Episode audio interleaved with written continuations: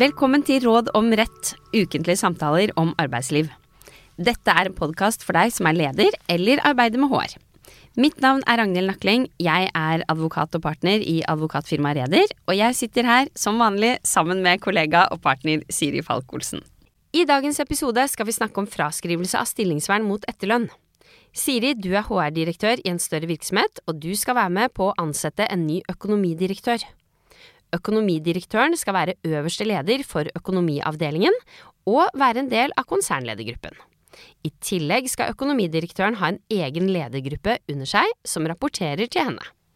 Dette er en ansvarsfull stilling, og det er viktig å finne en person som fungerer i stillingen, og som samarbeider godt med resten av konsernledelsen.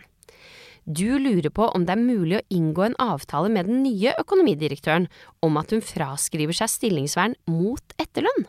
Er det mulig? Nei, det er ikke mulig i dette tilfellet. Vi ser ikke helt sjelden eksempler på ansettelsesavtaler med ledere hvor det er tatt inn en bestemmelse om fraskrivelse av stillingsvern. Men muligheten for å inngå denne type avtaler, det er forbeholdt virksomhetens øverste leder, som det står i loven, og det vil i praksis som regel være daglig leder eller administrerende direktør. Men virksomhetens øverste leder, kan det kun være én person, eller vil det kunne være flere? Ja, sånn som ordlyden i loven er, så er utgangspunktet at det kun vil være snakk om én person. Altså man snakker om virksomhetens øverste leder. Og en økonomidirektør, eller en CFO, som rapporterer til daglig leder, vil da ikke være den øverste lederen i virksomheten, selv om personen har en ansvarsfull stilling, og også har personalansvar for veldig mange ansatte.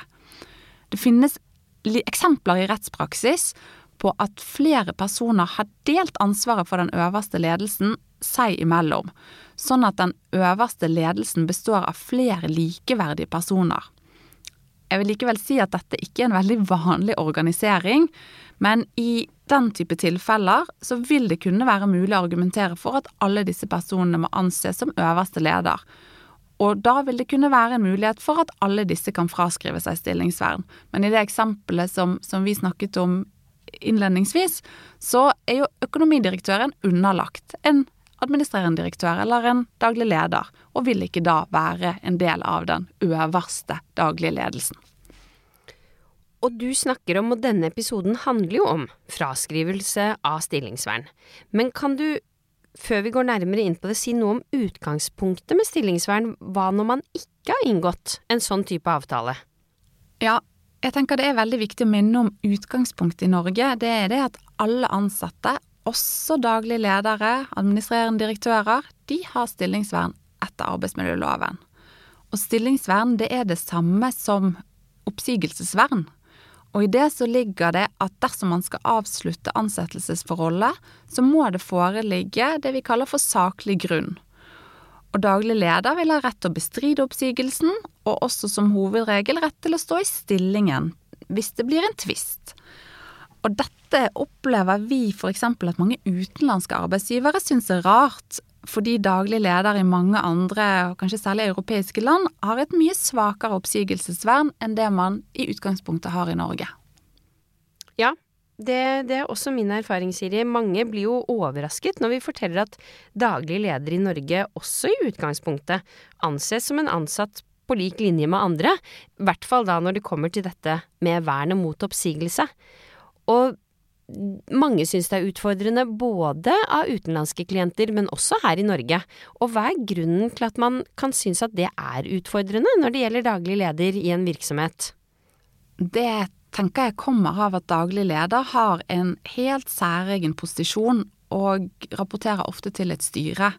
Og det er veldig viktig at daglig, daglig, leder fungerer i denne rollen, og har tillit fra styret for å kunne utøve den daglige ledelsen av virksomheten. Og det er også viktig at han eller hun som øverste leder har tillit fra resten av organisasjonen.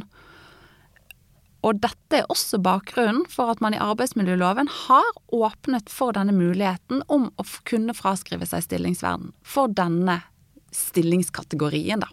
Mm. Og vi anbefaler jo stort sett at man alltid tar inn en sånn type bestemmelse om at daglig leder fraskriver seg stillingsvernet når man ansetter eh, en ny daglig leder. Vil, vil du si at det er vanlig å inngå denne type avtaler? Det er jo ikke gitt at fordi om vi anbefaler det, så er det sånn man alltid gjør det. Ja, jeg vil si at det er veldig vanlig. Og vanligvis så tas dette inn som en egen bestemmelse i ansettelsesavtalen når daglig leder blir ansatt. Men det kan være greit å huske at det også er mulig å bli enige om dette senere. Kravet i loven er at det er inngått en forhåndsavtale om at man sier fra seg rettighetene man har etter oppsigelsesreglene, mot at man får etterlønn. I dette ligger det et krav om at avtalen må være inngått før arbeidsgiver treffer en beslutning om oppsigelse, men avtalen må altså ikke være inngått fra det tidspunktet man ble ansatt. Og for hvor lang tid må man gi etterlønn? Hva er vanlig praksis der? Ja, det er et spørsmål vi ofte får. Eh, og det er greit å vite at loven oppstiller ikke et minstekrav til hvor lang etterlønn skal være. Det står ingenting i loven om det. I praksis så ser vi likevel at de aller fleste avtaler ligger et sted mellom tre til tolv måneder etterlønn, og noen ganger lenger. Det bør være snakk om en viss økonomisk sikkerhet når man som øverste leder fraskriver seg oppsigelsesvernet. Så hvis man har inngått en avtale som gir veldig liten økonomisk sikkerhet, f.eks. kun etterlønn i 14 dager, så tenker jeg at det er en ganske klar risiko for at den avtalen kan bli satt til side som ugyldig. Men når man nå snakker om etterlønn, kommer dette i tillegg til oppsigelsestiden, eller er det rett og slett etterlønn regnes fra den dagen man blir sagt opp. Det er et veldig godt poeng, Ragnhild. Det er etter oppsigelsestiden har utløpt. Så lønn i oppsigelsestiden, det har man alltid krav på. Mm. I de tilfellene da, hvor daglig leder har fraskrevet seg stillingsvern, hva slags praktisk konsekvens har dette? Hva, hva skjer i praksis? Det betyr at uh, i aksjeselskaper da, så vil styret kunne beslutte at daglig leder skal slutte uten at man må påvise et grunnlag for den beslutningen. Man trenger egentlig ikke å ha en grunn for å gå til oppsigelse. I praksis så har man jo en grunn for å ta en sånn beslutning, og det kan handle om samarbeidsproblemer, at man er uenig i strategivalg, eller at man rett og slett ønsker en annen person i rollen. Og dette vil jo være begrunnelser som ikke nødvendigvis tilfredsstiller kravet til saklig grunn som ellers gjelder i arbeidsmiljøloven. Så hvis daglig leder har fraskrevet seg stillingsvernet mot etterlønn, da kan styret be personen om å gå på dagen, og da har daglig leder heller ikke rett til å arbeide i oppsigelsestiden. Og det er derfor man ofte i praksis ser, kanskje i saker som omtales i media, at daglig leder slutter nærmest på dagen.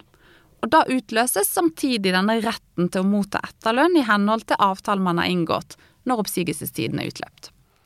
Og når du nå har noen betraktninger der, Siri, knyttet til media, så tenker jeg også at det er jo ganske viktig å være oppmerksom på at dette er jo da noe som i utgangspunktet er helt i orden. Man har inngått en avtale om at når styret eventuelt kommer til at nei, vet du hva, vi tenker litt ulikt, vi, vi har ulike på måte prioriteringer, nå ønsker vi ikke lenger deg som daglig leder. Det at man da går på dagen, det ligger ikke noe belastende eller at det må ha skjedd noe spesielt der. Og det tenker jeg kan være greit å også gjøre lytterne våre oppmerksomme på, da.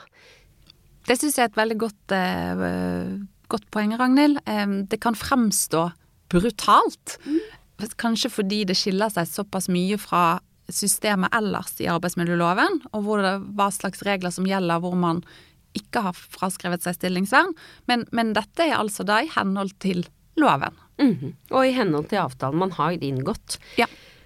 Så var du inne på dette med at ja, da utløses jo retten, da, til etterlønn.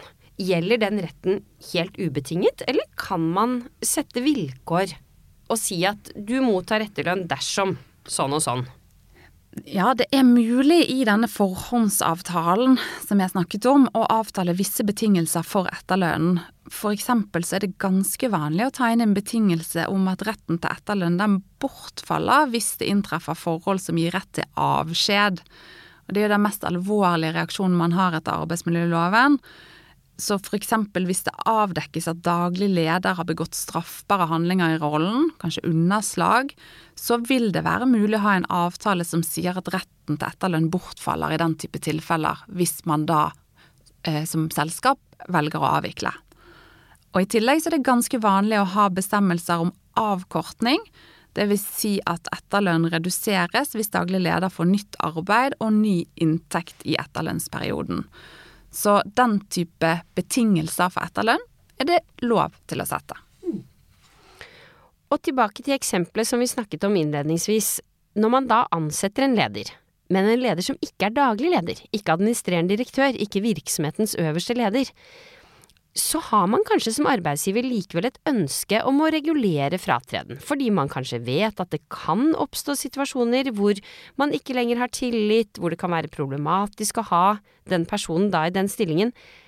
Kan man som arbeidsgiver ikke regulere det på noe vis? Man ser jo, som vi også har vært inne på da i media, saker hvor toppledere, som ikke var daglig leder, men likevel høyt oppe, slutter brått, eller det gjøres omrokeringer i ledergrupper hva slags handlingsrom har arbeidsgiver i eksempelet vårt? Det vi ofte ser i avtaler til, ja, kall det toppledere som ikke er daglig ledere, det er bestemmelser som, som, forsøker å regulere det økonomiske oppgjøret hvis man kommer i en situasjon hvor arbeidsgiver ønsker å avvikle. Det er ofte en gjensidig forståelse på dette nivået om at det er nødvendig med tillit begge veier hvis man skal fungere i disse stillingene og ofte så er begge parter interessert i en minnelig avtale hvis man kommer i en situasjon hvor det ikke lenger foreligger tillit.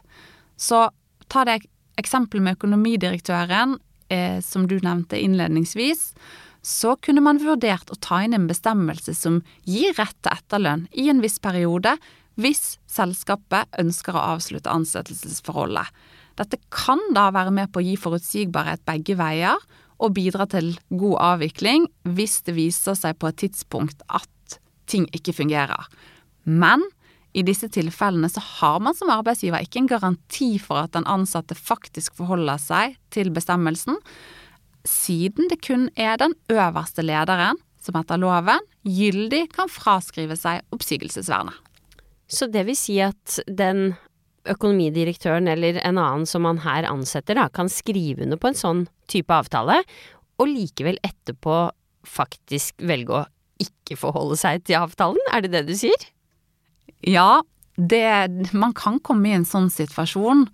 Man kan da risikere en tvist om hvorvidt oppsigelsen da er saklig begrunnet. Eh, men i praksis så ser vi likevel at man i disse situasjonene i de aller fleste tilfeller kommer fram til en løsning lenge før saken havner i domstolene. Begge parter vil ofte oppleve at man er tjent med å komme fram til en avtale. Særlig på, på et toppledernivå er man avhengig av tillit både fra resten av ledelsen og fra organisasjonen for at det skal fungere. Og i de tilfellene hvor man snakker om at tilliten er borte, så vil det i praksis være vanskelig eller umulig å fortsette i stillingen, uavhengig av hva en domstol måtte komme fram til om oppsigelsesgrunnlaget. Og derfor så blir denne type saker veldig ofte løst gjennom en avtale om at lederen slutter mot etterlønn i en periode, selv om denne lederen kanskje er helt uenig i grunnlaget for oppsigelsen. Og for å oppsummere dagens tema, hva er dine tre viktigste råd, Siri, til arbeidsgivere når det gjelder tema fraskrivelse av stillingsvern mot etterlønn? Pass på å regulere dette med fraskrivelse av stillingsvern i ansettelsesavtalen med daglig leder. Hvis det er ønskelig at daglig leder fraskriver seg oppsigelsesvernet, som det ofte vil være, så bør dette reguleres når personen blir ansatt. Det kan være vanskelig å fremforhandle dette på et senere tidspunkt. Husk at adgangen til å fraskrive seg stillingsvern gjelder kun for virksomhetens øverste leder. Andre ledere vil ikke gyldig kunne fraskrive seg oppsigelsesvernet. Og til slutt, i de tilfellene hvor daglig leder har fraskrevet seg stillingsvern, så er det viktig å huske på at man som arbeidsgiver fortsatt må sikre en ryddig saksbehandling og håndtering av prosessen. Man må snakke sammen og gi en begrunnelse forklaring på hvorfor man som arbeidsgiver har konkludert med at man vil gi oppsigelse. Og veldig ofte så er det klokt å inngå en sluttavtale som regulerer forhold rundt avviklingen som ikke er regulert i etterlønnsavtalen. F.eks. kommunikasjon, overlevering av oppgaver og andre praktiske forhold rundt avslutningen. Det var det vi hadde. Takk for i dag. Vi kommer tilbake med nytt tema og nye tips i neste episode.